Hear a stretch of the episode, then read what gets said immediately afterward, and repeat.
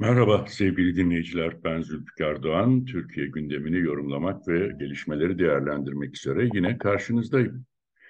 Türkiye'de döviz krizi, ödemeler dengesi krizi konusunda piyasalarda ve ekonomi kulislerinde yaygın tartışmalar yaşanıyor. Bir taraftan kurların yeniden Aralık ayındaki seviyeye yükselmesi, diğer taraftan Merkez Bankası'nın açıkladığı yılın üçüncü enflasyon raporunda ortaya konulan hedeflerin gerçekçi bulunmaması kaygıları arttırıyor. Öyle ki Ocak ayından bu yana Merkez Bankası açıkladığı 3 enflasyon raporunda yıl sonu enflasyon hedefini 20'şer puan arttırdı ve son açıklamasında %60,4'e yükseltti. Ocak ayında açıklanan raporda ise enflasyon hedefi yüzde 23 olarak e, duyurulmuştu. Dolayısıyla Merkez Bankası Başkanı Şahap Kavcıoğlu'nun özellikle e, son 10 e, günü düşersek son bir ayda dünyada en az değer kaybeden paranın Türk lirası olduğu şeklindeki sözleri de e, piyasalarda biraz tebessümle karşılandı diyebiliriz. Sosyal medyada bu söz oldukça yankılandı ve başka neler olmasaydı nelerin olabileceği üzerine Merkez Bankası Başkanı'na eleştiriler yöneltildi. Tabii döviz krizi, ödemeler dengesi krizi, dış ticaret açığı, cari açık gibi kritik göstergeler özellikle sonbahar aylarından itibaren Türkiye ekonomisinin kışa oldukça zorlu koşullarda gireceği yönünde sinyaller veriyor. Haziran ayına ilişkin açıklanan son dış ticaret rakamları da bunu teyit ediyor. Çünkü Haziran ayında yüzde 184 arttı dış ticaret açığı aylık bazda geçen yılın aynı ayına göre ve 2 milyar dolardan 8 milyar doların üzerine çıktı. Ocak-Haziran dönemindeki dış ticaret açığı ise 50 milyar doları aştı. Bu da oldukça ciddi bir rakam. Diğer taraftan ihracattaki artış yüzde 20 olurken ithalattaki artışın yüzde 40'ı aşması yani ihracat artışının neredeyse iki katına çıkması önümüzdeki aylarda dış ticaret açığından kaynaklı döviz darboğazının daha da yükselebileceğini, büyüyebileceğini gösteriyor. Oysa açıklanan ekonomik programın ana hedeflerinden bir tanesi ihracatı arttırmak, döviz gelirlerini bollaştırmak ve bu sayede kurları aşağı çekerek cari açığı cari fazlaya dönüştürmekti. Bu hedeflerin hepsi bir anlamda rafa kalkmış durumda. Dolayısıyla dış ticaret açığındaki bu gelişme beraberinde cari açığında büyümesini getirecek. Bu da e, ödemeler dengesinde, döviz darboğazında riskleri daha da artıracak şeklindeki yorumların arttığını söyleyebiliriz. Ancak şöyle bir tablo da var. E, turizmde önemli gelişmeler yaşanıyor. Yılın ikinci çeyreğinde turizm gelirleri 8 milyar doları aştı. Geçen yılın aynı dönemine göre bu yüzde 190 düzeyinde bir e, artış anlamına geliyor. Ancak tabii şunu göz ardı etmemek gerekiyor. Geçen yılın ikinci çeyreğinde COVID-19 önlemleri çerçevesinde ekonomi daha kapalıydı. Yasaklar devam ediyordu. Normalleşme ancak Temmuz ayında başlayabilmişti.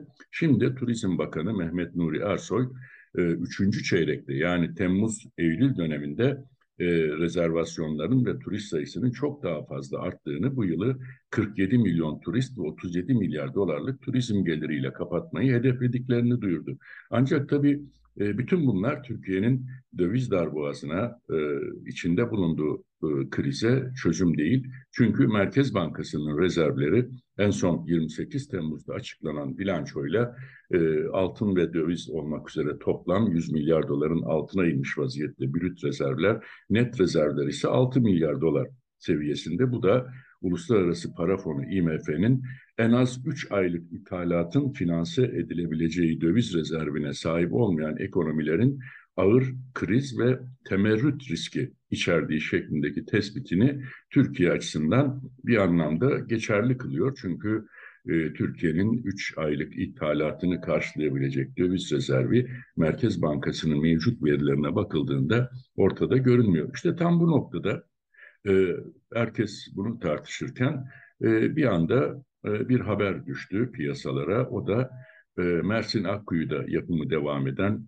e, nükleer santralin yapımını üstlenen Rusya Devlet Atom Enerjisi şirketi Rosatom'un Türkiye'de kurduğu şirket Akkuyu Nükleer AŞ'nin hesabına 5 milyar dolarlık bir aktarma yapıldığı yönündeydi.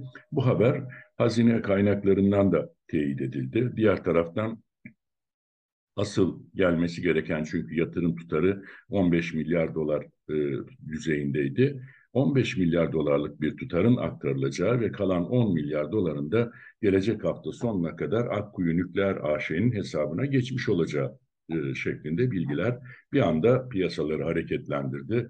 Dolar kuru 17.77'ye e, kadar geriledi. 17.95 seviyesindeydi. Ancak bu kısa süreli bir dalgalanma oldu ve yeniden 17.90 düzeyine çıktı dolar TL kuru. Tabii Akkuyu Nükleer AŞ'nin hesabına 5 milyar dolar yatması, gelecek hafta 10 milyar doların daha gelecek olması e, nasıl bir etki yaratacak? Bu para Merkez Bankası rezervlerine girmiyor. Sonuçta Türkiye'de tüzel kişiliğe haiz özel bir şirketin banka hesabına yatıyor. Ancak e, bunun e, Tahran'daki zirvede ikili görüşmede Erdoğan tarafından Putin'den talep edildiği kulislerde öne sürülüyor. Putin'in de Erdoğan'a Soçi'de 5 Ağustos'ta bir araya gelmeden önce böyle bir jest yaptığı yine kulislerde ileri sürülen iddialar arasında. E, dolayısıyla Akkuyu Nükleer AŞ'nin hesabına yatan bu para şayet Türk lirasına çevrilirse veya kur korumalı mevduata geçirilirse tabii ki bu kadar yüklü bir e, dolar mevduatının bozdurulması, TL'ye geçmesi bir anlamda e, döviz kurları özellikle dolar kuru üzerinde düşüş yönünde etkili olabilir. E, arızi bir süreç içerisinde olsa da böyle bir etki yaratabilir. Zaten bir süredir iktidar medyasında iktidara yakın bazı ekonomi yazarları sonbahar aylarına kadar Suudi Arabistan'dan, Birleşik Arap Emirlikleri, Katar ve Rusya'dan toplamı 50 milyar dolara ulaşacak bir dövizin Türkiye'ye geleceğini ve kurların aşağı ineceğini seçim öncesi Erdoğan iktidarının ciddi bir avantaj yakalayacağını içeren yazılar kaleme alıyorlardı. Ee, Rusya'dan tabii böyle bir jestin yapılmış olması bir anlamda e, kurlar üzerinde etkili olabilir mi tartışmalarında başlattı diyebiliriz. Hatta şöyle de bir e, bilgiyi de paylaşmak isterim. 5 Ağustos'ta Soçi'de yapılacak ikili görüşmede Putin'in Cumhurbaşkanı Erdoğan'a bir jest daha yapabileceği konuşuluyor. Bu da 2015'teki e, savaş uçağı krizinden sonra Rusya'nın Türkiye'ye uyguladığı yaptırım ve ambargolar çerçevesinde Türk vatandaşlarına koyduğu vize seyahat kısıtlamasını kısmen kaldırabileceği yönünde. Çünkü Türkiye e, Rus vatandaşlarına e, buna rağmen vize uygulamayı uygulamamayı devam ettiriyor. Milyonlarca Rus turist vizesiz olarak Türkiye'ye seyahat ediyor. Ancak Rusya Türk vatandaşlarına vizeyi 6 yıldır devam ettiriyor.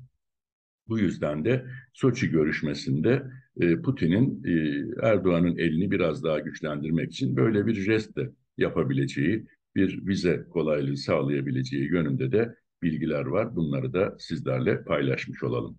Ben Zülfikar Doğan. Şimdilik sizlerle paylaşacağım bilgi ve yorumlar bunlar. Yeni bir yayında tekrar karşınızda olacağım. Hoşçakalın.